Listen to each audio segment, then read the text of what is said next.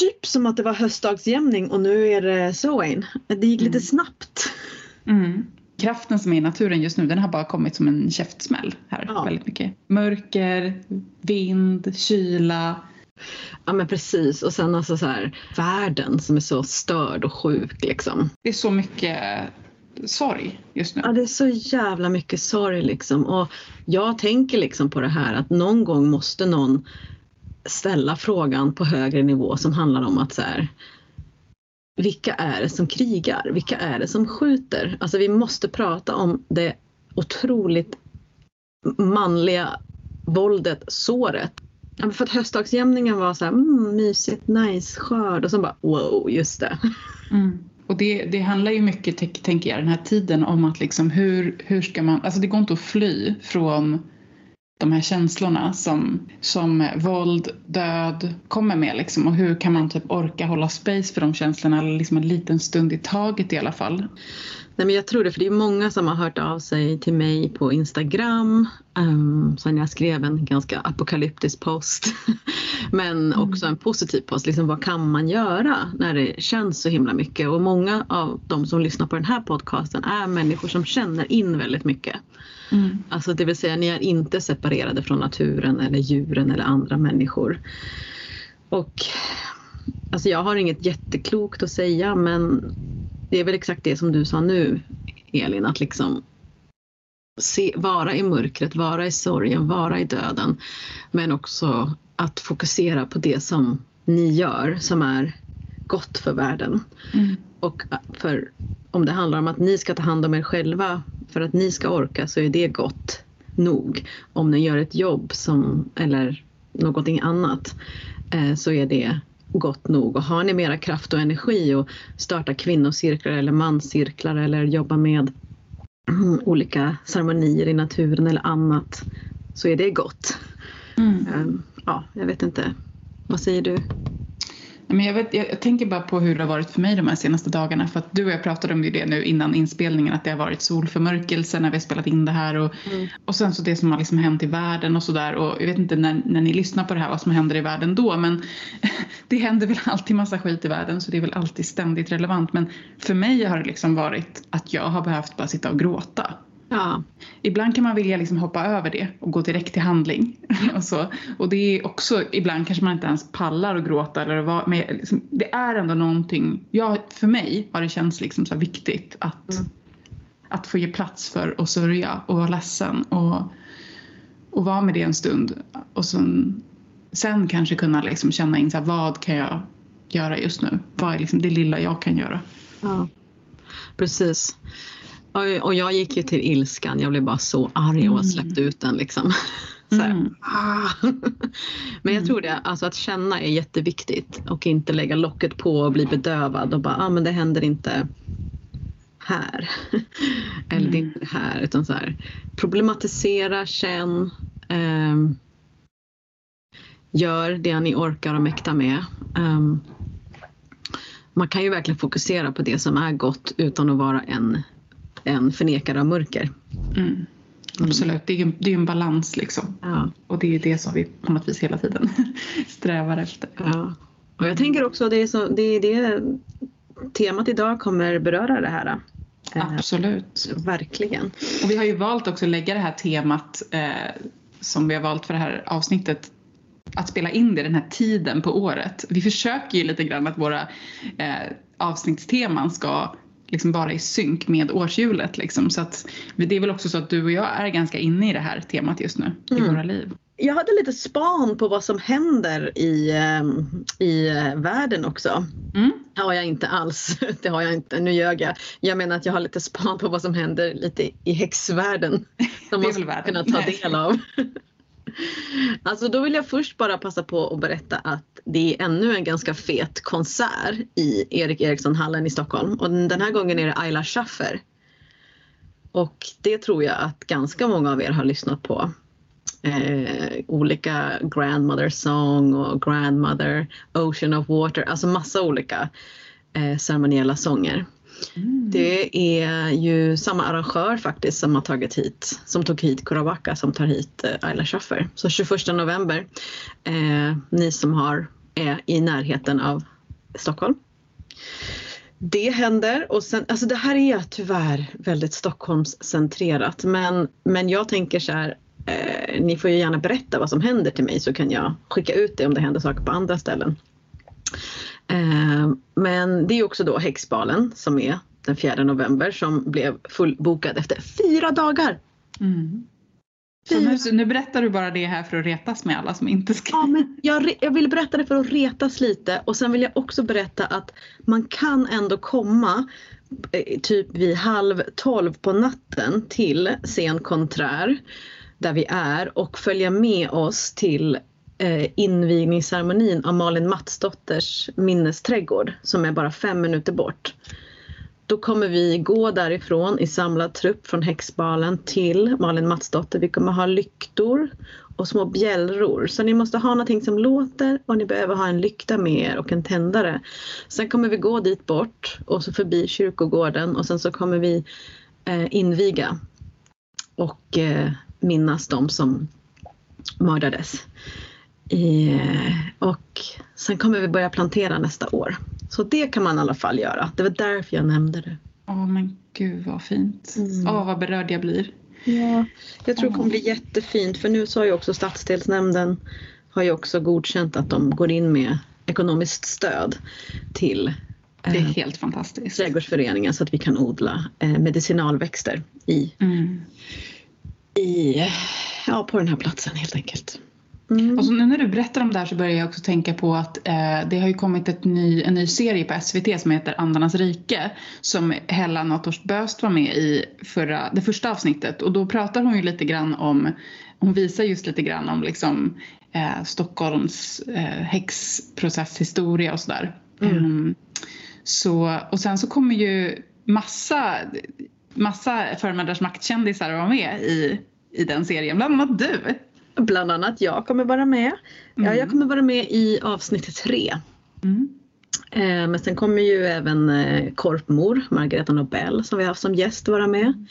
Ja men vi såg ju första avsnittet och vi enades väl om att så här, häxorna gjorde bra ifrån sig. Ja, alltså det var, jag blev jätteglad för, för Hellas medverkan och liksom hur hon så här, verkligen lyfter fram liksom det historiska perspektivet, det politiska, det feministiska perspektivet. Mm. Så som det blir när man lyfter upp våran värld till en nationell tv-nivå eller i, i någon av de större tidningarna eller magasinen så det blir så här. Och vad menar du med så här? Ja, nej, men att folk tycker att det är pinsamt, att folk kan tycka att det är svårt att komma ut ur garderoben för man vill inte sammankopplas med andra människor som rör sig i den världen. Och mitt tips är att liksom låta eran kraft vara lyskraften och vara starkare för att om man kollar på avsnittet så är det faktiskt ganska stor skillnad på hur folk pratar och hur de talar.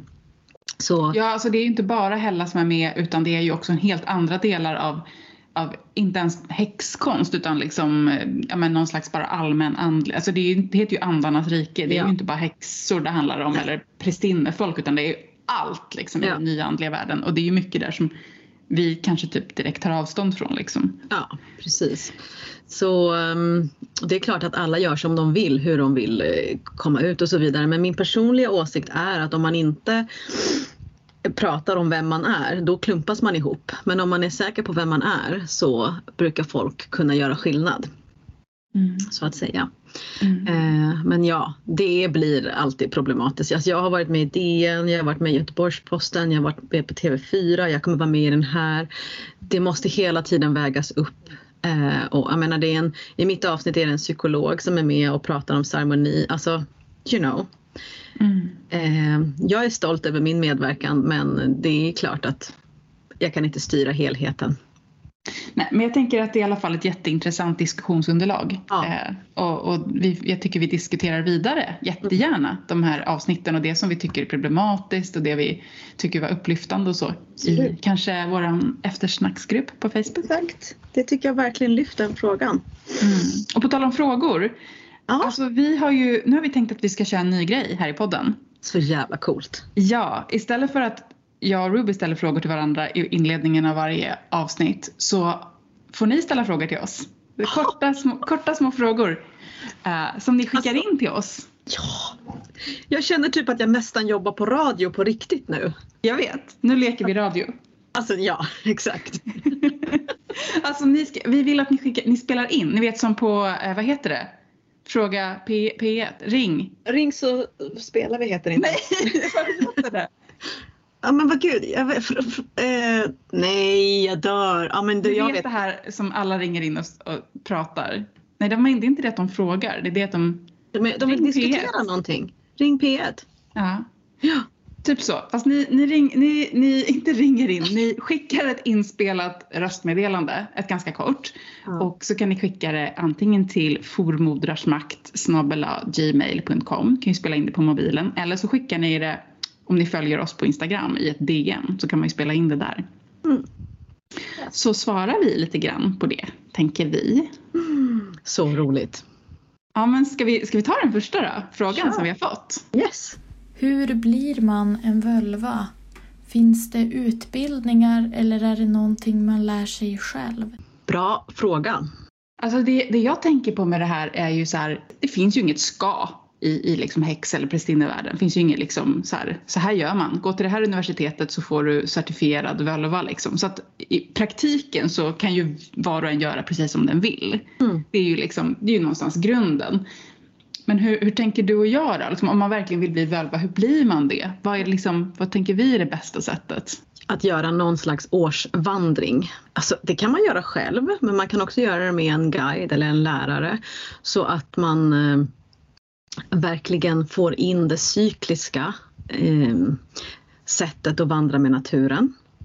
Så att det inte är liksom så att man typ läser en bok eller man går en helgkurs utan att man liksom lever med det här ah. liksom, kontinuerligt i alla fall ett årsvarv kanske? Ja, minst ett, minst år. ett årsvarv. Ah. Ja, för jag tror att, att vara, om man tänker på vad völvans uppgift är, liksom, om vi tänker att att förkroppsliga energi, att jobba med sejd, att jobba med guidning. Alltså man behöver ju de här årsvandringarna eller prästinneutbildningar eller liknande för att verkligen kunna hålla sig själv. Så att man måste lite grann vandra genom sitt mörker och sitt ljus. Eh, och det beror ju på vem man är, alltså om hur lång tid man behöver vandra. Men jag skulle, jag skulle verkligen rekommendera en fördjupning på alla fall. Ja, men minst ett år, men gärna två eller tre. Jag tycker alltid om att det finns initieringsceremonier så att man har blivit bevittnad i det arbete man vill göra. Men det är inte så att man behöver och måste göra det. Men jag älskar ju att göra det personligen, att jag har blivit bevittnad i mitt arbete. Om jag tänker på det liksom historiska, så völva är ju ändå en historisk titel. Liksom. Så, alltså, vi vet ju inte hur man blev völva men om man tittar på till exempel andra schamanska liksom, sammanhang och så, så, så är det väl liksom två vägar ofta. Antingen att man går i lära hos någon eller att man blir initierad av andarna. Och då är det ju ofta så att man kanske inte själv har ens valt det och att, att det liksom är en, ett stort ansvar att, vara, att ha den här rollen det kanske inte, det kanske inte är lika liksom som, att, som att kalla sig häxa. Jag vet inte. Välva är, Välva är liksom en historisk titel med en hög status och en stor betydelse. Mm. Jag tänker att man ska kanske gå med det ordet också och fundera på vad, liksom, vad innebär det här? Ja. Det här var ett jätteflummigt svar från oss. Eh, mm. Det är nog, men alltså om man skulle vara mindre flummig så har vi ju tips på hemsidan om olika längre utbildningar man kan gå. Mm. Um, kanske hoppa på olika helgkurser och läsa böcker, det är ingenting som vi motsäger. Men att ta, vill man vara völva och jobba som völva så behöver man nog ta det på största, största allvar och vikt. Mm. Uh, och jag tror, jag tror att det bästa skulle vara att um, söka upp dem som arbetar med det, vare sig de kallar sig häxor eller völvor eller prästinnor och så vidare. Ska vi börja röra oss in i dagens tema med lite så Patreon-mums? Patreon-mums i dagens tema här, ja för att som ni kanske har sett i titeln så ska vi ju prata om Haggan. Mm. Mm. Mumsigt värre alltså. Och då har vi eh, lyckats få hela Haggbyrån, det vill säga eh, Sindra Stjärndis, Korpmor och Hella Nattors Bös som driver Haggbyrån som jobbar med att initiera eh, kvinnor och personer till eh, haggans roll. Mm. Efter klimakteriet, efter att du har slutat blöda, så kan du använda haggbyrån för att genomgå en initiering. Och vi lyckades få en hel, nästan 40 minuter med eh, haggbyrån och där vi pratar om just det här, vad det innebär, hur jobbar de, eh, vad är viktigt för dem och hur, hur kan man liksom använda deras Så det är väl typ som ett bonusavsnitt kan man säga på Patreon, ja. men också med video. Ja, verkligen. Mm. Så lyssna på Haggbyrån där och eh, för er som är crones, som är på crone-nivå, mm. som är haggor på, på eh, Patreon, som är medlemmar på den nivån, så har vi som vanligt eh, ett, en liten träff, en videoträff, där vi går in i den här årstiden tillsammans. Mm. Det är så mysigt alltså att hänga med crones. Det är, mm. Det är varannan gång är det Eldin och varannan gång är det jag och så jobbar vi med temat kring årshjulet och i intim, intima samtal och mm. ceremonier och ritualer, trumresor. Och sen har vi ett erbjudande till er nästan allihopa på mm. lovernivå uppåt. Så berätta, vad, vad, får, vad får de här? Det är också witchy, witchy stuff. Ja, det är witchy stuff. Eh, jo, vi har ett härligt erbjudande från Witchy Yoga Club. Och eh, det är ju en, eh, alltså en yoga ett sätt att yoga med runor på ett väldigt eh, årshjulsbaserat sätt så kommer ni få jobba med en eh, runa eller flera runor och göra yoga tillsammans med witchy yoga. Och eh, jag vet att de just nu när vi spelar in jobbar med Mother men det kommer vara en ny runa och ni får testa helt gratis en månad att jobba med yoga och runor. Mm.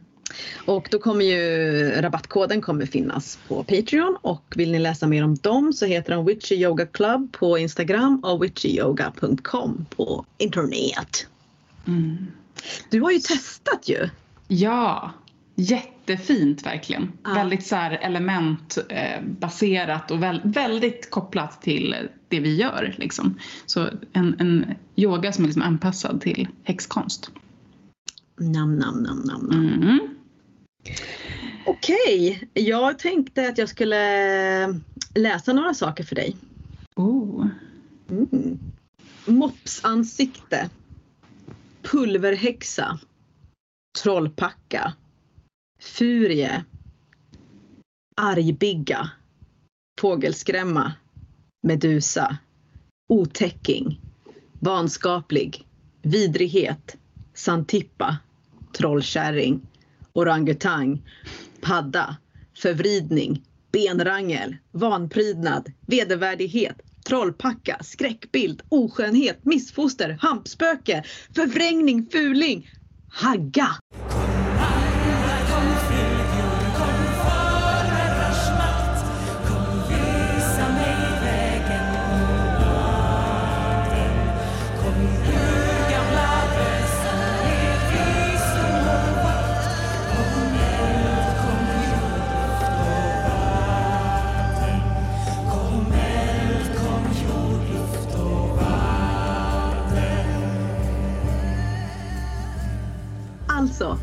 Det här är synonymer till hagga. Oj. Jag skojar inte. Åkerspöke finns också. Men gud. Alltså det känns ju som ett ord som, i alla fall jag, innan liksom man kom in i häxvärlden och den här prästinnevärlden och gudinnevärlden så är det ju ett ord man absolut inte ville bli kallad. Eller liksom, alltså det är precis som du liksom visar med alla de här synonymerna. Ett rent skällsord. Värre än häxa. Värre ja. Ja, för häxa tycker jag ändå har haft en kraft ganska länge. Liksom. Alltså sen, sen kanske liksom, eh, 60-70-talet med liksom hela så här, ja, men när häxkonsten började komma fram. Liksom, men hagga, det, det har verkligen varit negativt och kanske fortfarande verkligen är. Mm. Även bland många, liksom, kanske feminister. Ja. Alltså det är så mycket i det här ordet som är så konstant negativt liksom. Mm. Jag tänkte på andra ord också som inte var med där men typ grogghagga, vinhagga. Mm. Alltså det är Ja, det är ett riktigt dåligt ord och då kan man ju också ha, det, men det enda ord som är någorlunda positivt det är ordet kärring. Ja, för att det liksom är käring, att Ja. det finns en sån. Mm. Alltså jag kollade lite grann på så hur det här ordet har kommit in i så här häxkonst gudinnevärlden och så. Och eh, vi pratar ju om, de här, om den här liksom trippel gudinne eh, arketypen med maiden, mother, crone.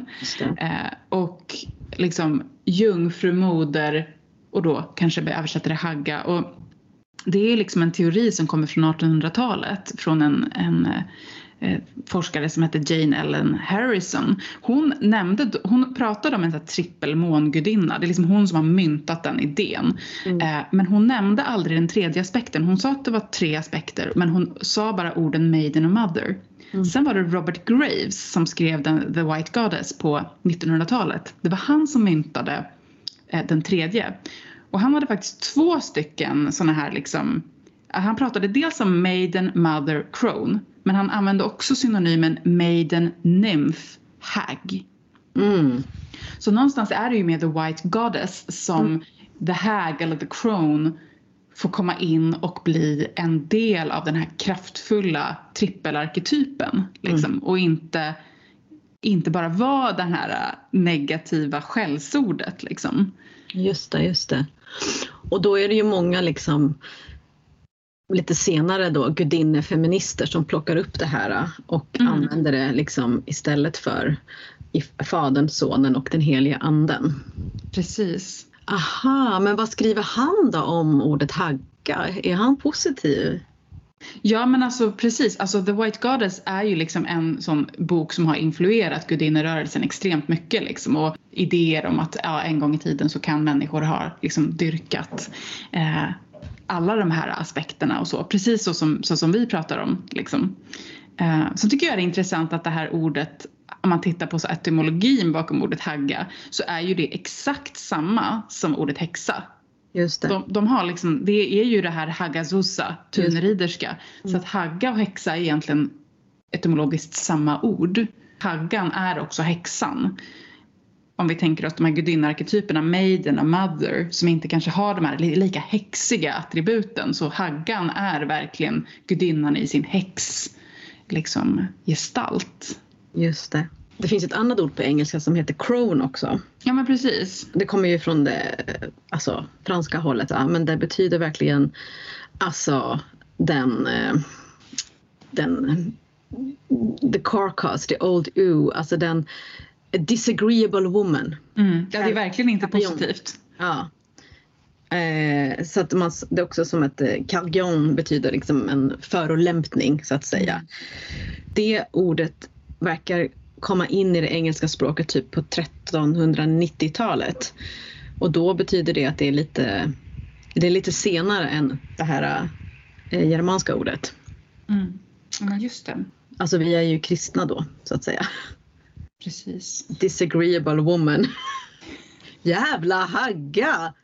Ja, men är det inte liksom så att i, av de här liksom gudinnearketyperna eller kvinnoarketyperna, maiden, mother, crone, så är ju the crone eller the hag, det är ju den som är mest disagreeable för, för liksom, ja men patriarkatet. Eh, the mother har ändå någon slags så här, ja men det finns ju ändå någonting patriarkatet gillar med att liksom föra släktet vidare och the maiden och hon är så vacker liksom. Eh, så att the crone är ju jätteintressant att jobba med den aspekten om om man liksom vill jobba med ja, att utmana patriarkatet. Den här bilden som vi pratar om nu, typ haggan i samhället på något sätt. Liksom, eh, att det är någon, en titel som andra människor har satt på en. Ungefär Mm. som att man har sagt din jävla häxa eller gud du är så vulgär eller du din slampa. Alltså det är folk som säger de här negativa orden till någon person som de Mm. vill liksom dämpa deras kraft eller bara så här talk bad eller de är upprörda och arga och säger massa skällsord. Eh, Medan det liksom nu i modern tid lyfts ju eh, tanten upp lite mer. Ja. Alltså eh, som en kraft. Mm. Just det där, och det är det som Robert Grace pratar om att det finns någonting positivt. Så att vi, vi, ska, vi ska väl röra oss från det här skällsords patraskträsket till alltså vad det faktiskt innebär att vara hagga. Ja, om man tittar liksom på om vi, om vi börjar titta på myterna då, runt hagg, mm. alltså de gamla myter och sagor, så är ju haggorna i myterna ofta liksom läskiga. Eh, och det är ju som, som vi har pratat om så mycket tidigare att man får ju kanske att man måste göra en feministisk läsning av de här myterna för att titta mm. bakom dem också. Att, att liksom, ja men de kanske är färgade av ett kristet, ett patriarkalt filter. Så hur kan man liksom, mm. hur kan man förstå eh, kraften bakom dem? Har du någon favorithagga i, i myten? Alltså det är tre som jag tycker som jag återkommer till hela tiden eh, mm. och det är ju framförallt eh, eh, Baba Yaga. Mm. Och det är ju för att det finns väldigt mycket historier om henne. Och sen är det Shilana Gig. Mm. Och sen såklart Hel. Men nu när jag mm. säger det så vet jag inte om hon är så himla haggig egentligen. Alltså, så här, i, alltså när jag tänker på henne i hennes, jag vet inte riktigt hur hon ser ut för mig men om jag tänker på hennes kraft så kanske de andra två tänker jag mer att de är äldre och Hel är lite mer för mig. Hon är, har inte riktigt en, en ålder som jag ser tydligt. Nej men precis, jag tänker att Haggan i myten kan ju både vara den som beskrivs som en gammal kvinna men det kan ju också vara en gudinna som, eller en sagofigur som, ja, som du säger nu med hel som kanske mer det finns inte en ålder men det finns den kraften. Ja. Men kan du, inte börja, kan du inte börja berätta lite då om din första favorit, Baba Yaga? Ja, eh, Baba Yaga är en kraft som är med i eh, olika ryska folksagor. Hon eh, har ett hus som kan röra sig, som står på fågelben. Hon, eh, I sagan om Baba Yaga och Vasalisa så kan man ju när man först läser den tänka att Baba Yaga är en väldigt läskig eh, typ Hans och Greta häxa som bor ute i skogen och verkligen vill den här eh, Vassa Lisa väldigt illa. Men om man läser sagan med lite mer feministiska ögon så är ju Baba Yaga där som en mera en crone som initierar den här unga flickan till sin menark, till sin eh, kraft.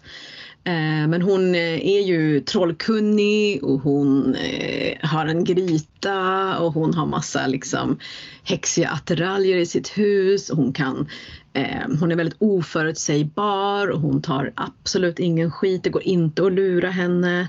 Men Vasalisa är ju väldigt Alltså hon utmanar ju den lilla unga flickan för att hon ska klara sig i livet. Så att jag tycker typ att Baba Yaga är ju, eh, jag vet inte. Alltså jag tycker att hon har allt som den här Crone har. Hon har liksom no more fucks to give. Hon har kunskap om örter och eh, matlagning. Hon har ett hus så hon kan röra sig helt fritt. Hon har alltså inga eh, åtaganden för andra människor. Hon är i djup kontakt med naturen, hon är i djup kontakt med alla riken och djuren och hon är eh, både rolig och farlig. Jag tänker också att den här, den här liksom historien om Vasilisa, jag håller verkligen med dig om att det är en initieringshistoria och det som liksom tyder på det är ju någonstans att men Vasilisa bor eh, med sin styvmor och sina styvsystrar. Liksom hon, bo, hon lever under ett förtryck, liksom, mm. precis som typ Askungen eller så och blir skickad till Baba Yaga. Och där som du säger så liksom får hon massa uppdrag mm. eh, som är typ till synes omöjliga. Och det är väl precis som du säger att hon blir liksom utmanad att liksom så rise to the occasion och liksom mm. att, hitta, att, att ta sin kraft. Mm. Eh, och, och det hela slutar ju med att hon klarar det och då får hon gå därifrån med en typ av, hon får ju liksom ett, ett ljus som är en dödskalle tror jag. Ja. och, och, och, med den så liksom besegrar hon sina förtryckare. Så att hon, hon, liksom, hon, hon tar sig igenom den här, för det är ju, en initiering innehåller ju ofta någon typ av så här, du måste liksom göra den här svåra grejen liksom, och så mm. kommer man ut på andra sidan och då har man växt. Liksom. Mm. Det är ju en aspekt av Haggan liksom. Jag menar, um, vilken, jag, jag, jag, jag jag anar vem som är din favorit men kan inte du säga? Men alltså jag, jag, har många, jag har flera men jag vet inte, ja. jag är jättenyfiken på vad du tror är min. Men en jag tänkte på jättemycket nu var fru Holle, ja. mor Hulda. Eh, Frau Holle som är så här, tysk framförallt. Eh, sagofigur. För det är väl liksom det Baba Yaga också kallas. Hon kallas ja. ju sagofigur men mm. vi kallar dem gudinnor. Ja. Och, och liksom många forskare pratar ju också om att liksom det här är en men det är ju så liksom att gudinnor fortsätter i sagor. Liksom. Men, men den historien om fru Holle är liksom så lik Baba Yaga-historien. Där det också är en styvmor och en flicka som blir behandlad liksom dåligt. Och eh, hon kommer ju också till en sån här liksom typ häxa i skogen. Men jag älskar också hur hon kommer dit för att hon eh, måste hoppa ner i en brunn. Och det blir ju som så här resa ner i underjorden. Mm. Liksom. Det blir ju verkligen som en typ schamansk resa. Ja. Och där träffar hon den här mor Hulda. Som också ger henne en massa prövningar som är liksom att hon ska liksom göra massa olika saker och bland annat så ska hon liksom skaka sängkläderna och då är det liksom när hon skakar sängkläderna då åt, åt fru Holle så snöar det på jorden. Och det är ju också så himla tydligt att fru Holle är liksom en naturgudinna. Mm. Som att liksom de saker som, som eh, den här flickan ska göra det är att hon ska plocka äpplen, hon ska ta, liksom, ta hand om bröd. Det är väldigt mycket kopplat till så här, skörden med liksom årshjulet med snön. Eh, och sen så klarar hon ju det här, får komma tillbaks till sin värld och hon får också massa guld. Just det. Så det, det, är en väldigt lik historia den Baba Yaga. Men här blir det så tydligt att hon är en, liksom en gudinna kopplad till årshjulet tycker jag. Och det är ju också den sagan som eh, bröderna Grimm hade som grund till eh, eh Hans och Greta. De gjorde bara om mm. Ja, det är ingen underjordsresa utan det är det här eh, att de, de vinner ju över, där är, den är ju helt annorlunda. Mm. Alltså det är ju så här, men, men att den, den, den låg, eh, när de reste runt liksom och samlade sagorna så gjorde de ju sen så småningom om den. Men där också hade ju fru Hålle kommit upp lite. Mm. Hade det här sötsakshuset. Eh, för de har ingen, den har ingen initiering, den senare saga, folksagan där på Nej. samma sätt. Det är lite grann såklart man kan hitta det men den där fru Hålle är verkligen så här. Den är väldigt lik en annan crone eller hag och det är ju liksom Inanna. Mm. Själva urmyten. Tänker vi har pratat så himla mycket om Inanna så vi behöver inte kanske prata mer om det men det är också den här att verkligen, precis som de här eh, unga flickorna här så måste Inanna verkligen ta sig ner i underjorden och det är ju någonting som um, vi behöver göra i våra liv liksom, för att mm. initiera oss själva till hälsosamma människor i världen. Den är crucial att göra. Innan, innan vi lägger oss ner för att vila och lämna den här planeten. Ja men det är väl därför jag tänker att det här med att varför tänker man på typ gudinnor som hel när man pratar om Haggan när hel egentligen kanske inte liksom annons, det sägs aldrig att hon är gammal eller så men just att den här underjords mm. eh, resan förknippar vi med Haggan. Därför att också liksom, om man tänker sig Haggan som en äldre eh, gudinna, äldre kvinna så är det ju i slutet av livet vi rör oss liksom genom åldrarna och där, där vi liksom också börjar närma oss den initiering som är döden. Mm. Liksom den slutgiltiga initieringen. Och, och liksom då är det inte konstigt att vi också kopplar Haggan till dödsgudinnor och, och underjordsresan som är liksom den här död och återfödelse. Och döden behöver ju inte heller bara vara fysisk, den kan ju vara liksom Alltså varje initiering innehåller ju en typ av död och återfödelse. Att man liksom, ens, ens gamla unga jag dör och man föds in i en mm. ny visdom. Mm. Men, var, men var det den gudinnan du trodde att jag skulle säga? Nej, jag, jag trodde faktiskt inte det. Jag trodde du skulle säga Kailash. Ah. Nej men alltså jag, jag har, ja, favorit, I don't know. Just nu så känner jag, när vi spelar in det här, att Kailach är mer närvarande än jag har känt på väldigt länge. Alltså Kailach är ju liksom en så keltisk eh, gudinna och hennes namn betyder ju bara Old Woman. Mm. Och hon förknippas med storm, berg, ja men hennes stav som fryser marken och jag tycker att jag har känt henne så mycket, det har stormat så otroligt mycket och det är någonting liksom med hur hon sliter hon sliter köttet av benen på folk. Mm. Och det är den känslan man kan ha av vinden ibland, liksom att någon vill bara så här, ta bort alla masker, ta bort allting och bara så här, vem är du när du bara står där liksom.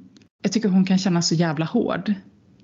Just nu så har jag inte alls en så här att jag liksom accepterar det. Nu är hon inte favorit. Nej, jag vet inte. Men jag måste ju liksom vara ärlig och säga att alltså det är ju, och det är ju så. Jag tänker att Haggan är ju inte en initierare ifall hon bara är mysig.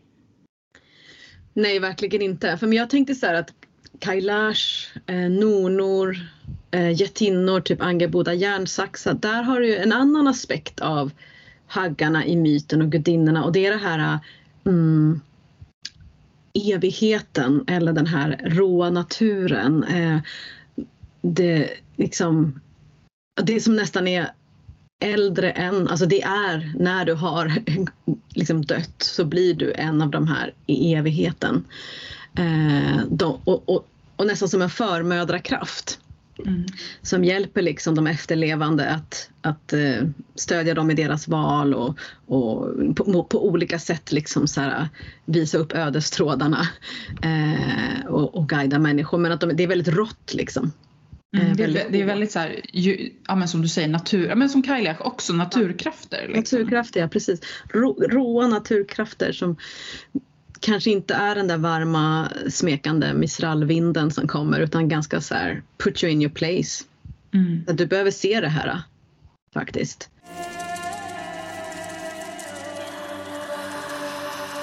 Hur jobbar vi med Haggan i vårt årshjul? Mm.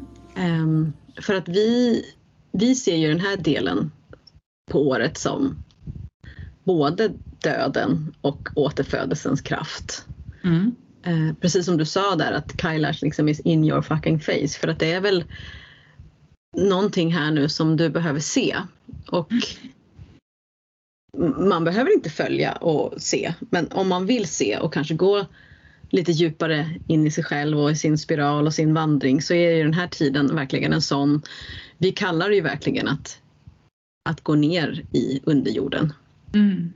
Ehm, så vi jobbar, ju, vi jobbar ju aktivt med allt det här som vi nu har pratat om och det är ju olika, olika från år till år och olika från person till person. Men när vi jobbar med det här nu så på den här delen av året så jobbar vi inte med att starta nya projekt. Det är inte så mycket så här det som är utåtriktat utan det är mer att det vänder sig inåt. Liksom. Någon frågade ju oss om så här, om det liksom är, är det så här att man ska bli helt passiv?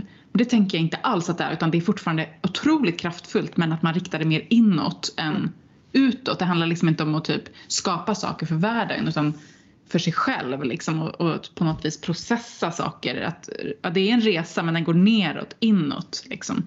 Mm. Ja men verkligen. När man lär sig jobba med den här energin så är det ju nästan som att man välkomnar varje cykel. Ja men precis, alltså för det tänker jag liksom om man pratar om så initiering till haggan så är det ju så att alltså haggan är ju närvarande varje höst och vinter. Hon är närvarande varje mörkmåne. Hon är närvarande varje natt. Hon är närvarande när vi blöder, vi som blöder. Alltså det är liksom så här, det finns, det finns ju många olika cyklar, stor, långa, längre, kortare liksom. Mm. Det är inte så att vi bara möter haggan när vi är gamla utan hennes kraft finns ju på massa ställen i naturen. Liksom i, hon finns i vinden när den är så kraftig, hon finns i stormarna, hon finns i... Oftast så kopplas ju de här mytologiska haggorna som jättinnor och kailach och mm. så till berg. Mm. Det är liksom vild, naturkrafter, den vilda naturen. Så det finns ju massa tillfällen att möta haggan i olika typer av cykler, i naturen. Alltså på tal om hur kan man jobba med haggan liksom. Ja. Det är inte bara att vänta på att bli gammal. Liksom. Nej. Nej, verkligen inte för att vi behöver haggans kraft under flera delar av våra liv.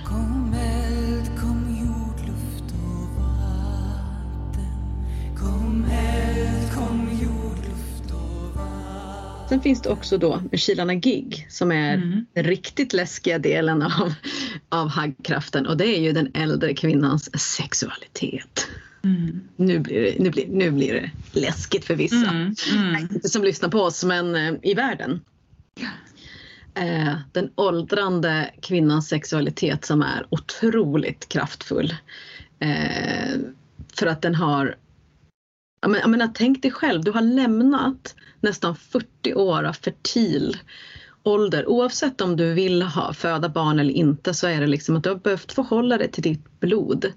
Um, i ja, ungefär den största delen av ditt liv. Och helt plötsligt så är du fri från det ansvaret, fri från allting som reproduktionen handlar om och kan gå in i en stark sexuell kraft. Och nu är det ju väldigt få som initieras hälsosamt i samhället, i kroppen till den här kraften. Men det är en otrolig, otrolig, eh, alltså mega, mega sexuell period. Eh, och sensuell framför allt. Men Sheila Nagig, många av de skulpturerna, hon är ju en sån där typ gargoyle-figur som sitter liksom som är ristad på många kyrkor Ja. eh, i, liksom på brittiska öarna och Irland. Och ofta så är hon ju så här verkligen typ, hon ser så här finurlig ut, glad. Ja. Och så särar hon liksom på hela härligheten. Men hon är verkligen så här, tjo typ. Det är noll skam typ Ja. i hennes blick, Noll jag. skam alltså. Ja, Men kan, Ja, men du inte, kan du berätta lite grann om det här? För det, det känns ju verkligen som någonting som... Alltså, nu har vi pratat om Haggan i, i myternas värld. Och nu, pratar du, nu kommer du in på liksom en, så här, en initiering i kroppen kanske. Mm. När du pratar om den här... Liksom, vad, som, vad som händer liksom med den åldrande kvinnan. Ja, om man ska prata om då liksom haggan i kroppen, alltså att arbeta med haggan slash klimakteriet så behöver man ju faktiskt vi behöver liksom backa tillbaks till att hela den här initieringen handlar om eh, alla andra initieringar som du har haft i ditt liv. Och det här är ju framförallt då för blödande personer och kvinnor. Alltså det här händer ju inte om du har inte har äggledare eller livmoder. För att Då, kan, då får man jobba med Haggan på andra sätt som de vi har Ja. pratat om nu. Liksom. precis, då, är det, då får man jobba med energierna och har man liksom exempelvis plockat bort eh, livmoder eller behövt ta bort den eller äggledare och så vidare så, så handlar det om att jobba med de här energierna. Så det är inte så att det inte går. Men jag tänker att det är väldigt många som blöder. Alltså det här är så här väldigt viktig kunskap. Som det pratas så otroligt lite om. Alltså det är precis som när vi hade ett avsnitt om helig abort. Det är som vissa saker som så otroligt många människor i vårt samhälle går igenom. Abort, klimakterie, som är så förknippade med just kanske död, haggans energier. Ja. Att de inte pratas om. Eh, Nej. Och vi vill ju lyfta upp dem till, inte bara att vi pratar om dem, utan att vi också helighåller dem och skapar eh, ceremonier och alltså att, att det blir hälsosamma initieringar. Ja, det är det samhälle som vi behöver skapa och det är det samhälle som vi vill vara med och bygga upp. Att man kan liksom få vara hemma om man har gjort abort eh, utan att vara sjukskriven. Utan att man, det är så det ser till. Alltså, har man behövt göra en abort så får man vara hemma. Det är ingen som kommer fråga vart du är. Liksom. Och likadant med klimakteriet, för det är så himla mycket som händer i kroppen. För här måste man börja med att när vi går in i menark, det vill säga när vi börjar blöda, då börjar vi producera könshormoner. Eh, östrogen, progesteron och sen även liksom vissa delar testosteron. Ehm, och här måste ju det tar ju typ fem år från att man får sin första blödning till att menstruationen är någorlunda eh, så som det kommer vara resten av livet. Och det gör ont att börja blöda. Det är eh, en helt annan grej. Alltså man har ju varit ett barn som inte haft könshormoner och så plötsligt så blir man en tonåring som har allt det här. Och helt krast, vad det här gör är ju att din kropp förbereds på en graviditet. För att så är den mänskliga kroppen. Det är så den är skapad, att vi ska skapa mera liv. Eh, och vi har alltså ägglossning och mens ungefär 450 gånger under ett helt liv. Och eh, i början eh, när man liksom går in i menarexamen, så har man kanske 400 000 eh, ägg, liksom omogna äggceller i äggstockarna. Och sen så under den fertila delen av livet så kommer de här eh, utvecklas och sen när vi sen kliver in liksom i eh, mot det som kallas för förklimakteriet säger enligt vissa, eller perimenopaus och vissa har inte ens med det ordet, så kommer de här äggen i äggstockarna till slut försvinna helt. Liksom. Då vi kommer inte ha kvar dem. Och eh, Ehm, då får man tänka att en ungefärlig, eh, alltså ungefärlig liksom, att man går in i menark någonstans. Nu har det ju sjunkit tyvärr på grund av hur, det, hur vi äter och alla gifter som finns ute i naturen. Men Det brukade vara runt 12-13 och nu kanske det är redan vid 10 som tidiga pubertetssymptom syns. Men någonstans där. Och sen så eh, blöder du. De vanligaste PMS-symptomen, alltså premenstruella störningar, kommer ungefär runt 30 års ålder. Eh, för att menstruationen är liksom det femte liksom, hälsotecknet på att du lever. Vad lever du för liv liksom? Och den menstruationen reproduktionsorganen är jättekänsliga för stress, jättekänsliga för kost, jättekänsliga för emotionell eh, Eh, press och stress. Alltså det, det är våran guide. Liksom. Vi, kan, vi som blöder kan använda det här som en guide i hur mår vi egentligen. Så här, det, varför det blir mera störningar här jag kommer snart fram till klimakteriet men det är bara för att förstå, eller få en liten bakgrund. Alltså då, då minskar nämligen eh, det, alltså progesteronet som lugnar tillväxthormonet östrogen, det börjar minska lite, lite grann här. Äh. Och då kan man få mycket mera symptom som sen kommer bli jättestarka i klimakteriet, alltså typ oro, irritation eller depression eller ångest och så vidare.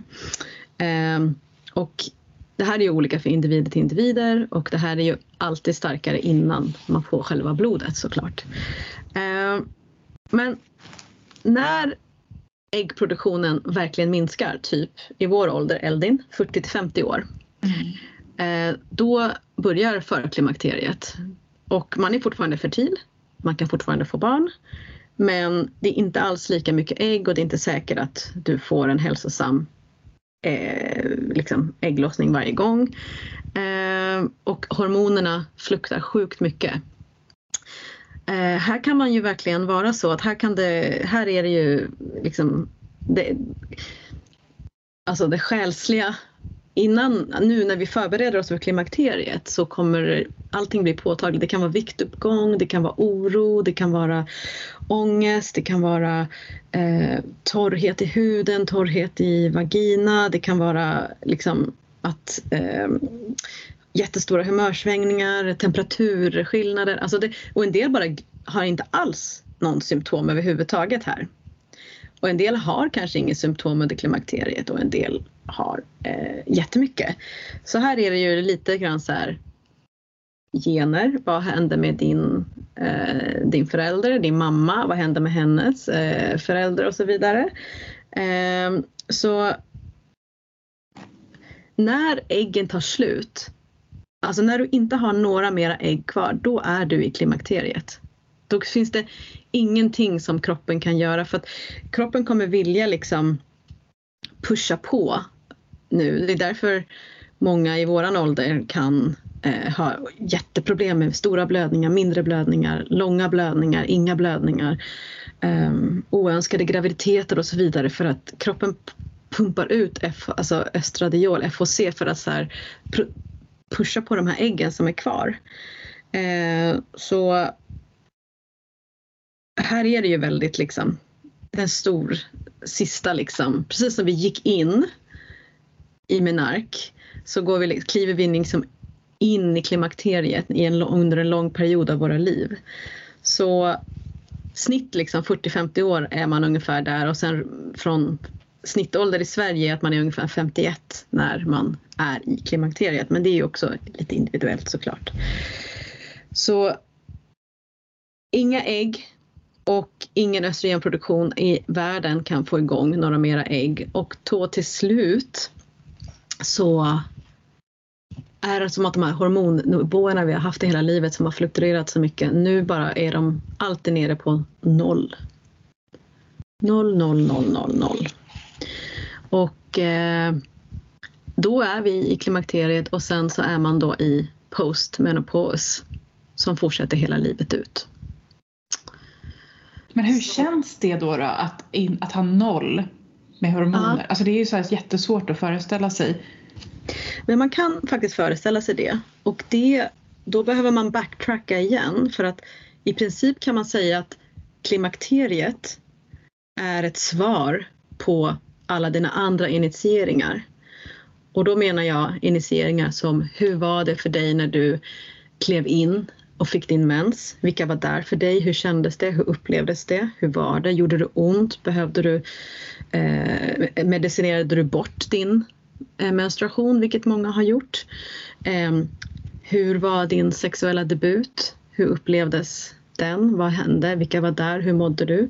Eh, alla barn som har fötts, alla barn som har behövt eh, liksom eh, inte bli födda på grund av situationen, alltså att man har avbrutit graviditeten eller all, alla barn som inte kunde bli födda för att de inte var som de skulle, missfall. Eh, det är också initieringar och om man väljer att inte ha barn så är ju det också en initiering att man föder fram det projekt eller det liv man ville leva. Så här någonstans kan man tänka sig att Alltså här, om man backtrackar och skulle göra alltså hur, hur, när man går in i klimakteriet så kommer saker som är obearbetade som har hänt under menark under ens tidiga tid, det kommer komma på, det kommer trycka på. Det kommer liksom eh, om man tänker så här att en, en person som börjar blöda möter sin kraft genom att få sin menstruation. Det börjar liksom, man kliver in och, och eh, möter sin kraft och sen genom eh, liksom mother-arketypen eh, så utövar man sin kraft. Alltså man ger sin kraft till andra och i klimakteriet så är man kraften. Så därför så kommer ju mer obearbetade själsliga saker som finns i ditt liv desto tyngre kommer ditt, dina klimakteriebesvär att vara. För att det är precis som vi sa innan att Haggan kallar på dig att stå i din sanning. Eh, så att exempelvis, jag bara säger en sak, men om du har blivit initierad till att ha mensskam som sen kommer bli kroppsskam och sen så kommer du inte kunna föda ditt barn utan att känna skam. Du kommer inte kunna överlämna det till förlossningen. Du kommer inte kunna överlämna det till dina egna krafter när du ska föda fram ditt barn. Som sen kommer bli åldersskam. Och du kommer liksom inte kunna vara i den här kraften. För att någonstans här så har du aldrig tagit tag i olika delar av ditt liv som har skapat trauman. Men om man då känner så här nu att men gud, jag har ju haft allt det där. Jag har ju haft liksom, det är bara skam, skam, skam genom allt. Ja. Kan man, hur kan man bryta det då? Liksom, om man känner nu så här, men nu har jag ju chansen här. Liksom. Ja. Men alltså ett, en grej är ju att, äh, att äh, hela tiden alltså att skriva, att skapa ett årshjul där man äh, går igenom alla, alltså man går igenom alla sina olika eh, händelser i sitt liv. Hur gammal var man när det här hände? Vad var det som hände? Eh, hur kändes det här? Eh, här var jag tvungen att ta det här beslutet. Eh, och sen så tror jag att om man också ehm, börjar lyssna inåt. För haggan handlar ju jättemycket om att du vill lyssna inåt. Vi pratar först om att perimenopos är den här inre hösten där du verkligen du går in i dig själv. Eh, och sen att själva klimakteriet är det som då är eh, en andra vår på ett sätt. Inom kinesisk och eh, örtlära så kallas ju klimakteriet för second spring. Mm -hmm. Kunskapen som haggan kommer ju med är ju liksom de facto att du behöver inte offra dig lika mycket för andra. Du kan stå i dina egna val för att vad som faktiskt händer är att det här östrogenet som är ett östrogen som handlar om reproduktion. Den handlar om att du ska vilja ta hand om dina barn. Du ska vilja ta hand om din familj. Du ska vilja kunna skydda. Du ska kunna orka. Eller dina egna projekt om det inte handlar om fysiska barn. Du ska kunna, din karriär liksom, eller ditt hem. Du ska orka eh, ta hand om allt det här. Alltså du behöver en viss del av självuppoffrande. Vilket du klarar av i den delen av ditt liv när du är mellan liksom 20 till 40 kanske. Alltså det, du, du, kan ge, du är stark, du har styrka, kroppen fungerar, man klarar att leva på typ en liten avokadomacka och keso, vilket man inte gör sen när man går in. Alltså så att du behöver äta ordentlig mat, det behöver man ju alltid, men kroppen är som att östrogenet är ett tillväxthormon som hjälper dig att klara av saker som handlar inte bara om dig. Det är därför vi kan ta hand om barn och så vidare. Eh, det är därför vi kan ta hand om stora projekt för vi måste vi måste göra det liksom. Och östrogen hjälper oss. Men när den då försvinner så är det som att så här, nej, eh, jag har inte det här längre i mig. Någon annan får göra det. Mm. Någon annan får bära den där soffan. Men varför ska jag göra det? För det måste finnas någon annan som ska göra det. Men så. är det inte så, rätta mig om jag har fel nu, men är det inte så att innan, alltså precis innan mens, då att hormonnivåerna är så som lägst liksom, i ja. cykeln då? Och vi har ju pratat om det förut, liksom, att man kan känna sig som helt övergiven och som att bara, liksom, bara helt tom typ. Och då tänker jag någonstans att den känslan är kanske också som en så förberedelse då. Att liksom, så här, för det är det vi kallar PMS liksom. Och Exakt. hur man liksom eh, inte ser det som ett så här sjukdomstillstånd utan vad är det det jag försöker lära mig istället liksom. Ja men alltså varje gång man blöder så har man ju den här äh, resan i sig. Alltså du gör ju nu pratar vi om klimakteriet för där ska du ju verkligen glida in i, i, i den, liksom, en initiering till att inte vara i service till andra. Inga mera självuppoffrande utan nu kan du göra dina, dina projekt. Medan om man tänker då om man skulle öva på det medan de blödande åren så är det ju det då som vi har pratat om i tidigare avsnitt liksom. Blod och måne. Att ja, östrogen liksom är ett tillväxthormon. Det är det som bygger upp slemhinnan så att du kan eh, se om du kan få ett ägg som sen skulle kunna eh, lossas, eh, ägglossning så att du blir gravid. Det är liksom den första delen av, av menscykeln och sen så fort du har eh, loss, eh, ägg, ägglossat så kommer det antingen bli en befruktning eller inte en befruktning och där kommer kroppen välja om den ska bli gravid eller om den ska gå till menstruation. Och där är det ju så om man då tänker att den första tiden är den första delen av ens liv. Eh, så varje månad så är, reser man liksom, det här blir så himla svårt att förklara i ljud märker jag, men du får gärna hjälpa mig. Så varje, varje månad så reser man genom egentligen hela sin livscykel. Man har den här första kraften när man är ung och ägget liksom är på väg, man bygger upp med östrogen, det är nice, man är på väg till ägglossning, man står mitt i sin liksom superfertila kraft här. Och, och där så, liksom hormon, liksom där östrogen och testosteron liksom bara bam ger, ger en en massa kraft. Liksom. Det ger en en massa kraft och man har mycket och sen så precis när man har har lossat eh, eh, sitt lilla ägg här eller så kommer progesteron direkt komma in och börja städa upp för att levern och binjurarna måste bryta ner massa hormoner. Vi vill inte ha för mycket östrogen för det är inte alls nice för kroppen. Och så, så går den in och liksom städar upp efter den och så är det så att man är, har ett, en, eh, ett befruktat ägg så kommer progesteron, progesteron att skydda det här lilla liksom gulkroppen så att den kan fästa i slemhinnan så att det skulle kunna bli en bebis. Eh, så då gör man det, men om det in, och då märker den det efter bara halvvägs in där så kommer, kommer progesteronet märka, nej men jag hade ingen sån uppgift. Och om den inte har den uppgiften så kommer den bara lägga sig ner och bara hej då, jag dör. Och det är då sen, man känner sig, börjar ja. känna sig helt, bara, helt ur, utschasad. Exakt. Så jag skulle säga så här, alltså så som jag tänker kring klimakteriet. Jag, för, jag är ju liksom 44 så att jag, är, jag tänker att jag ska förbereda mig redan nu för mitt klimakterium. Och jag tänker så här, eh, bland annat liksom på saker i mitt liv som jag måste ta, kanske ta tag i eller möta. Bland annat jag är väldigt slarvig med och typ, jag har alltid sagt ah, jag äter det där, jag äter det där. Men jag märker att min kropp pallar inte det riktigt. Jag behöver ta hand om min kost. Um, och någon annan kanske måste ta hand om, jag vet inte, sitt vattenintag. Uh, träna muskler, alltså en stor grej, alltså när man går in i klimakteriet när östrogenet försvinner, det är ju benskörhet. Mm. Alltså man behöver, det är inte meningen att vara stillasittande utan vi behöver liksom typ lyfta vikter eller göra lite tyngre grejer så att inte vi förlorar i bendensitet. Um, Monica Björn har ju skrivit en bok som heter Stark genom klimakteriet och hon pratar ju i sin statistik att ibland är det ju alltså så här, 65-åriga, 70-åriga kvinnor som inte ens kan bära sitt barnbarn för att de har, ingen, de har, ingen, de har ingen styrka kvar. Så jag tänker mycket på träning, liksom inte för att vara fit och vara så här sixpack fit utan så här, jag måste ha muskler och skelettkraft för att ta mig igenom klimakteriet. Mm.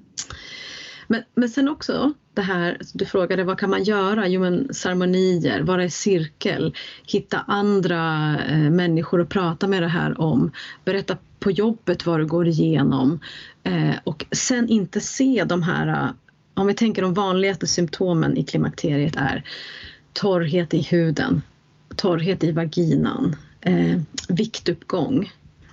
För att det är så himla så här, man, man blir mera hungrig men meta metabolismen sjunker på grund av att metabolismen är jätteupptagen med att bryta ner allt det här östrogenet som ligger lite som är i övertag innan klimakteriet. Så då, då ehm, kan kroppen ibland liksom inte hjälpa till med den metabolism som den gjorde innan. Man behöver äta så att om du och levern behöver fett så då kommer en fråga efter fett och så äter du fel sorts fett och så lägger du på dig massa vikt. Framförallt på magen och midjan, inte så här brösten och rumpan som är mer mother archetype och göra det liksom den fertila delen där man behöver ha fettet på er där. Så här är det verkligen så att, att, att okej, okay, det är ett symptom som man kan jobba med precis som att eh, Alltså sömnrubbningar, vallningar, humörsvängningar. Så att varje del av de här fysiska symptomen är någonting man kan jobba med. Exempelvis då den här metabolismen. Ja, men istället för att kanske äta saker som min hjärna tänker är fett, typ godis, choklad eller kanske kakor och bullar som också har mycket socker och tomma kolhydrater. Nej, men lägg till fett i maten. Alltså olivolja eller avokado eller nötter eller göra eh, benbuljong eller någonting sånt där så att du får det här eh, fettet som din kropp kräver om du nu har en, en problematisk viktuppgång. Um, inte dricka en massa alkohol. Det är skitdumt i klimakteriet att dra på och köra en massa rödvin och, och grejer för att då är levern så upptagen med att bryta ner det här östrogenet. Um, inte stressa, det är också så här äh, kontraproduktivt om man, om man håller på och lägger på sig vikt. Liksom. Och det är likadant med alltså den här äh, sömnrubbningarna. Ja, det kommer nog vara så att du har sömnrubbningar men jobba med det då.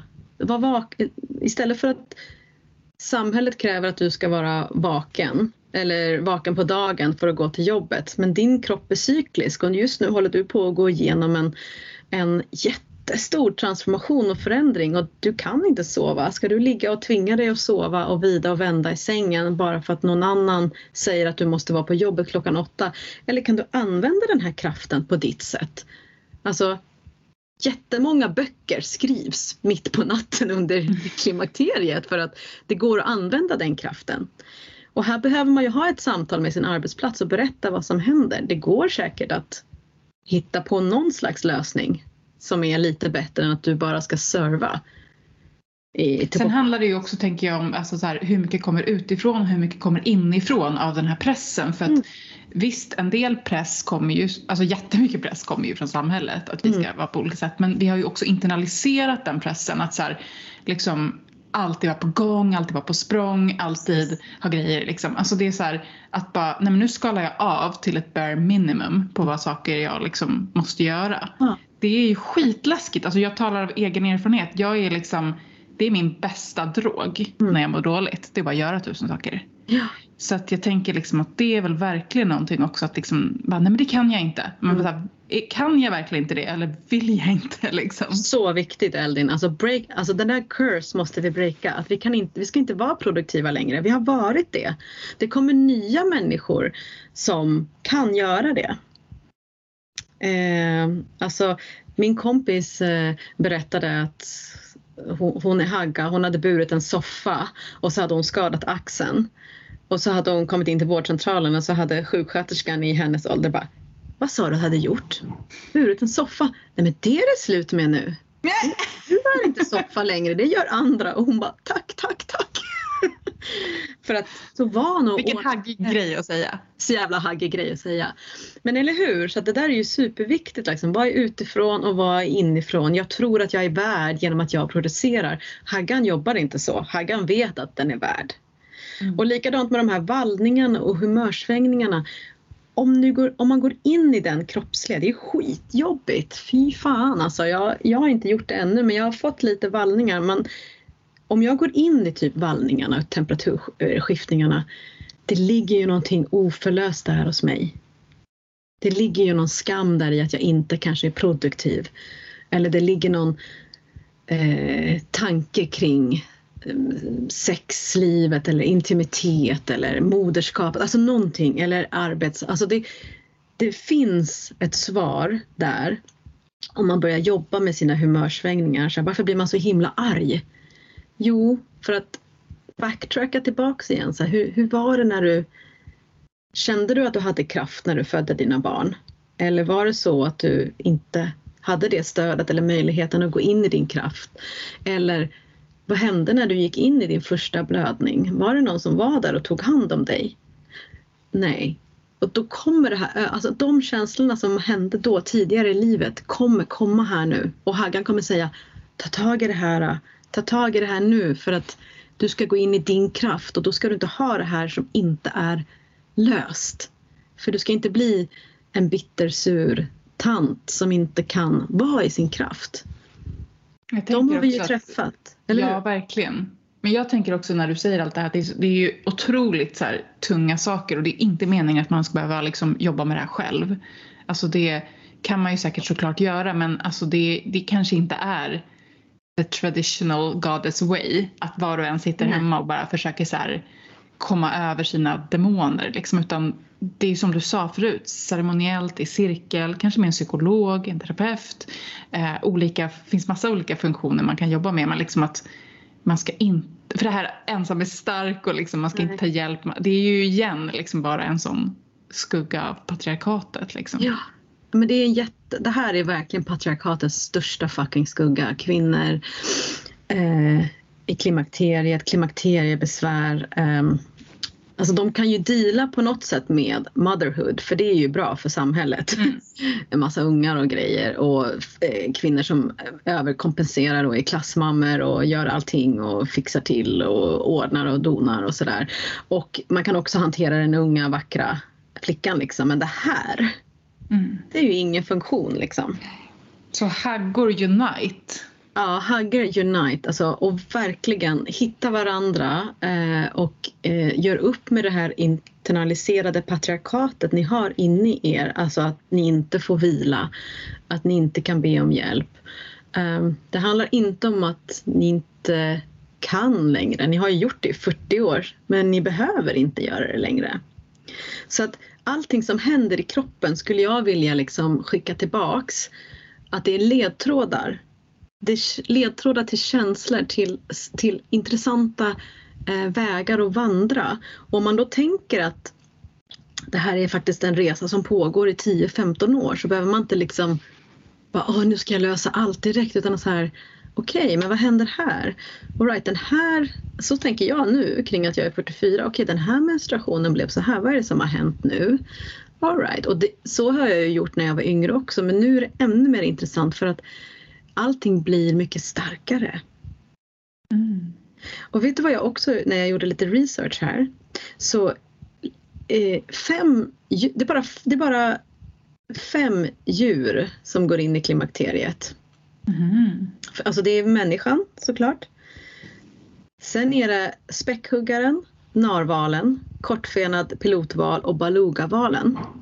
Mm. Och i deras värld så blir det en, en elderly crone. Liksom späckhuggare eller narval och så. Som vars uppgift är att ta hand om flocken, lära ut kunskap. Se till att traditionerna i flocken följs, se till att de lär sig exakt var de ska simma, var de ska äta, hur man uppför sig Mm. kultur och tradition är det som forskarna har kommit fram till att, att är den icke reproduktiva eh, alfahonans roll. Wow. Snacka om att, att vara, alltså, att, om man då tänker att människan bara är helt tvärtom, men att vi Mm. skulle kunna vara de här viskvinnorna för framtiden.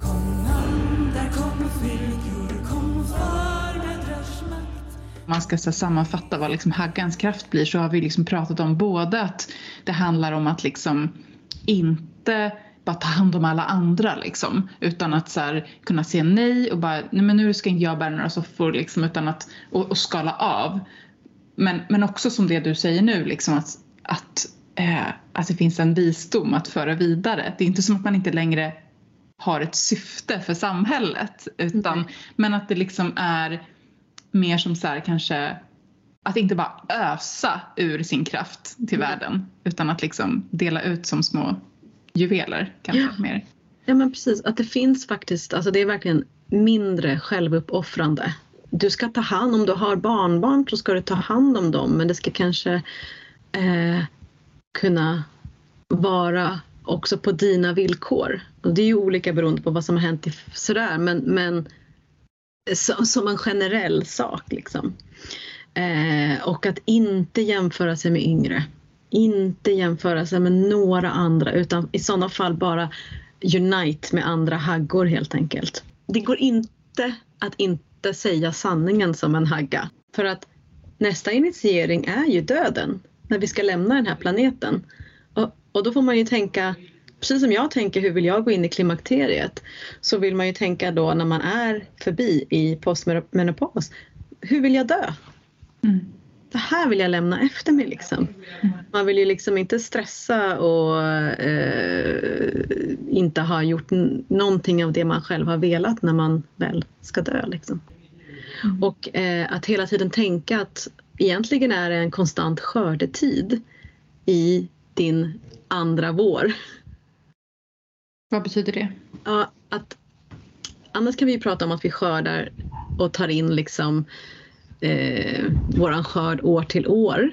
Men här kan vi prata om att nu lever ju du så som du inte kunde leva kanske när du gick in i Menark, när du var tonåring. Och så som du inte kanske kunde leva när du var i dina mödraår, eh, motherhood. Här kan du faktiskt passa på att göra allt det här.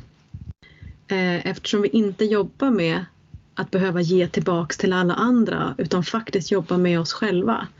Kurser som man har tänkt på, platser man har velat resa till, samtal man har velat ha. Att vara lite bold and brave och kalla in det som man faktiskt har gått och flurat på genom åren men kanske inte kunnat göra. Eh, så att tillåta sig själv att vara i en konstant skörd. Mm. Ehm, och ni kommer finnas där för andra. Ni kommer kunna ge av er kunskap till oss som kommer efter. Vi kommer vilja lyssna på er. Så man kan fortfarande ge, men inte det här äh, som vi pratade om tidigare, det här självuppoffrande. Och sen att verkligen kunna ägna sig cykliskt till månen. För man kan ju sakna sina cykler, man kan ju sakna att blöda. Men att, att man kan återkoppla liksom till, till månen Mm. eh, och jobba med fullmånen och mörkermåne, nymåne, halvmånarna och, och jobba cykliskt med det. Eh, men att du inte kommer ha den här fysiska påverkan. Du behöver inte vara rädd för att bli gravid eller ledsen för att du inte blir gravid. Du behöver inte vara ett blodbad. Det behöver inte vara smärta. Utan du kan vara bara i din kropp. Flyttat upp blodet till hjärtat.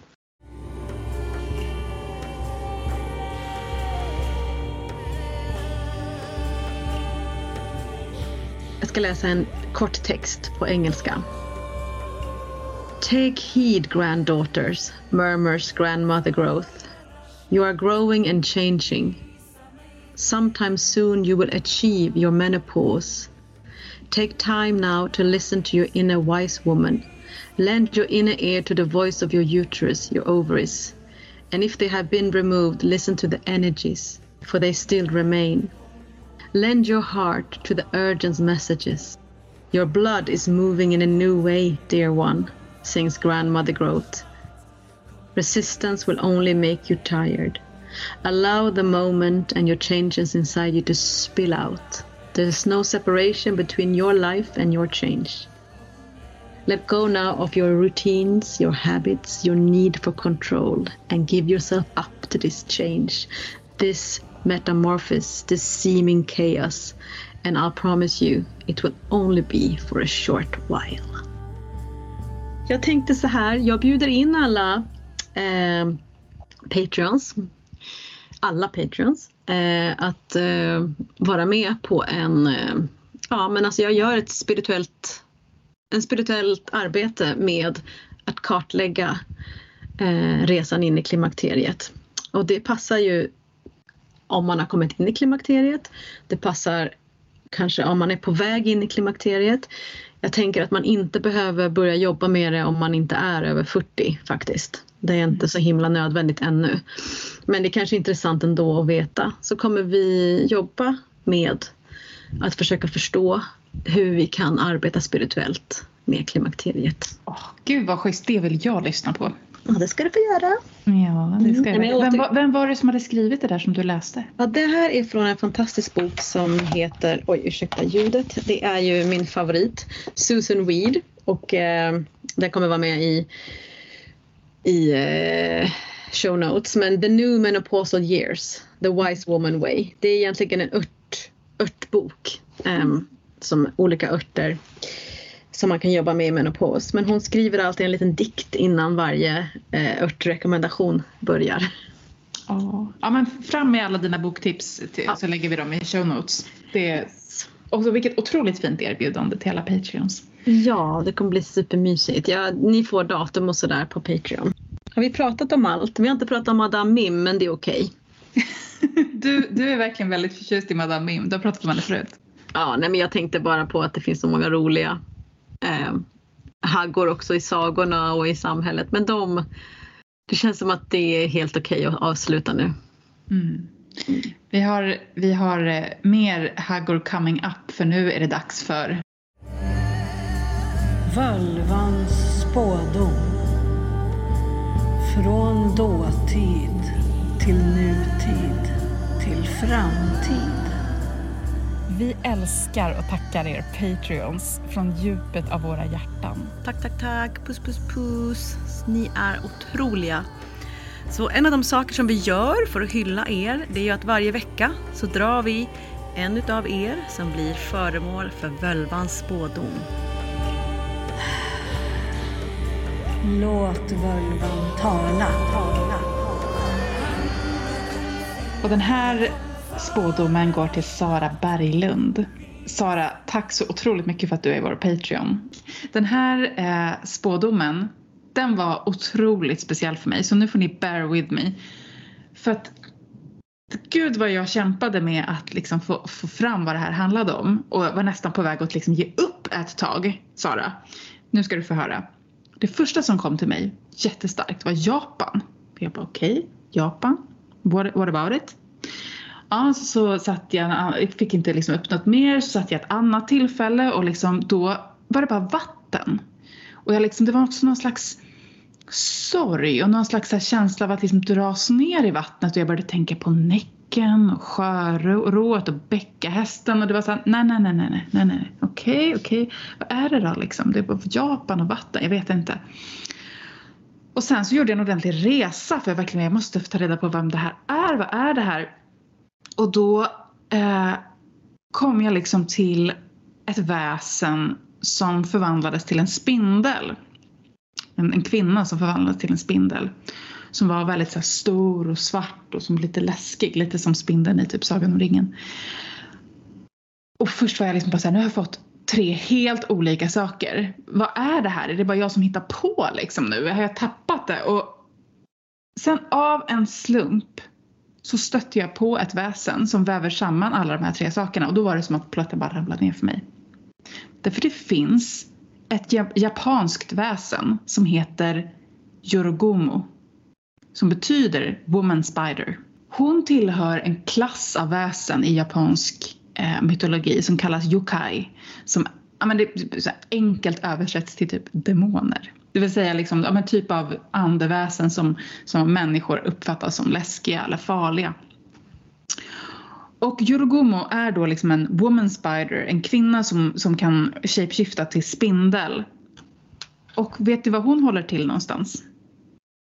Vid floder och vattenfall.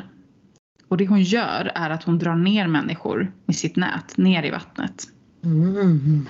Det var liksom så random kände jag. Liksom. Jag fick inte att spindlar hängde ihop med vatten. Liksom. Men här har vi som en japansk näckvarelse fast en kvinna. Och, ehm, och det finns liksom en massa då myter som jag tycker är väldigt lika dem liksom, som handlar om Näcken. Det här med att det är liksom, fast det här är motsatt då. Det är ofta män som blir kära i henne. Ja men på olika sätt så slutar det alltid liksom sorgligt. Det slutar med att de dör. Antingen för att de kastar sig i vattnet för att de inte kan få henne eller att hon drar ner dem. Och eh, jag tänkte liksom så här, ja här, här har vi då igen en, en typ av hagg hagggudinna, haggväsen, hon är farlig, hon är typ en demon.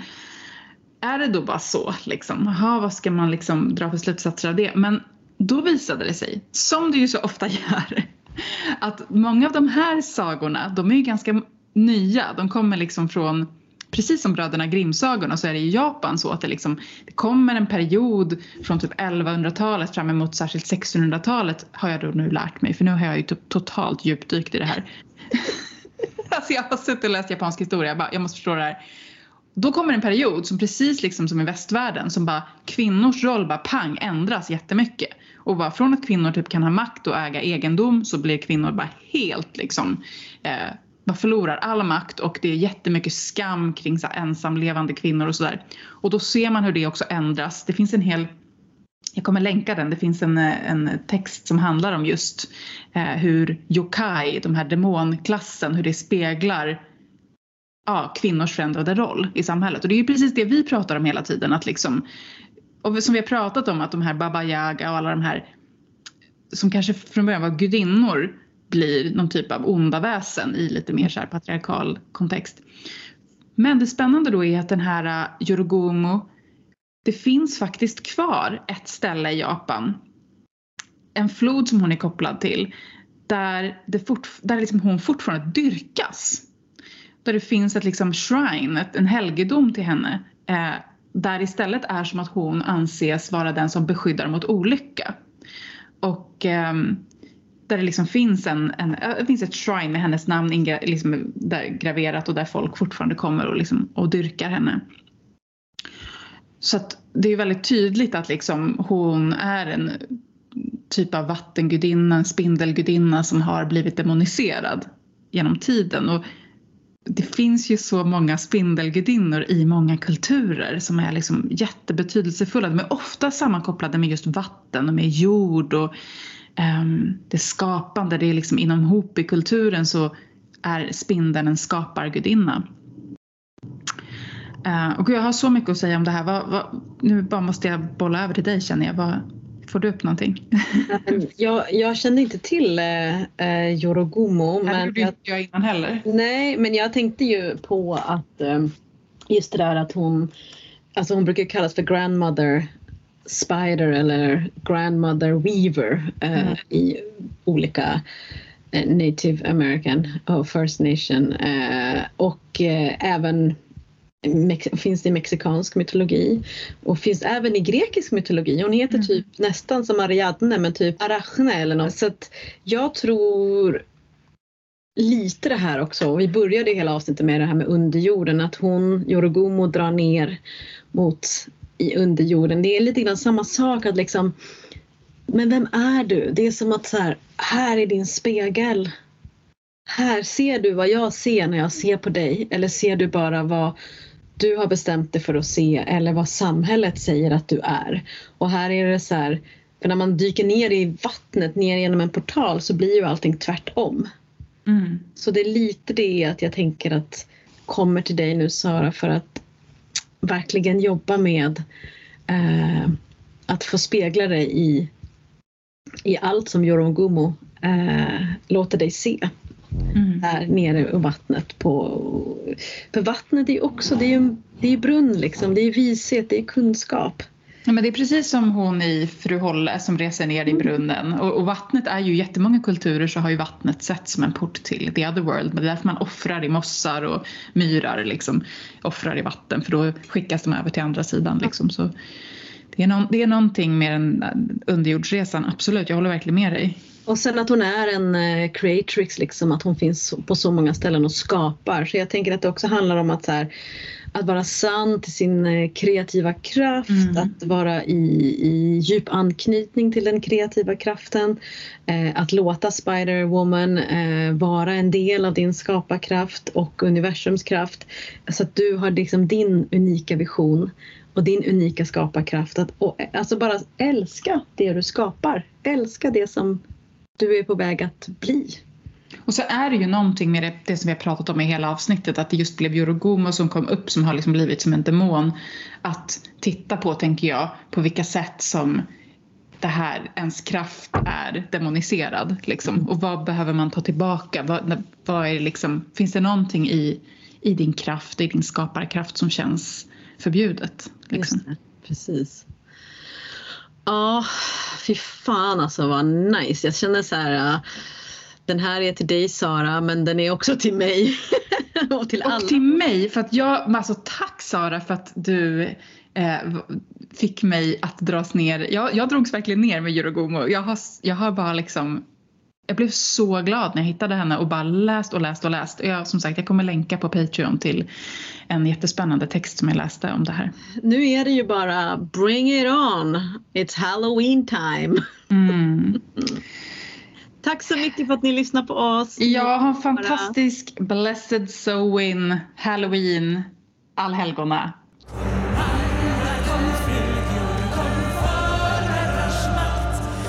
Vill du stödja vår podcast ytterligare så kan du Betygsätta podcasten. prenumerera på podcasten för att öka vår synlighet. Bli medlem på Patreon så får du dessutom en massa häxiga benefits. Gå in på patreon.com slash formodrarsmakt. Och vill du ta del av ytterligare samtal med likasinnande, bli medlem i Facebookgruppen Förmödrars makt eftersnack.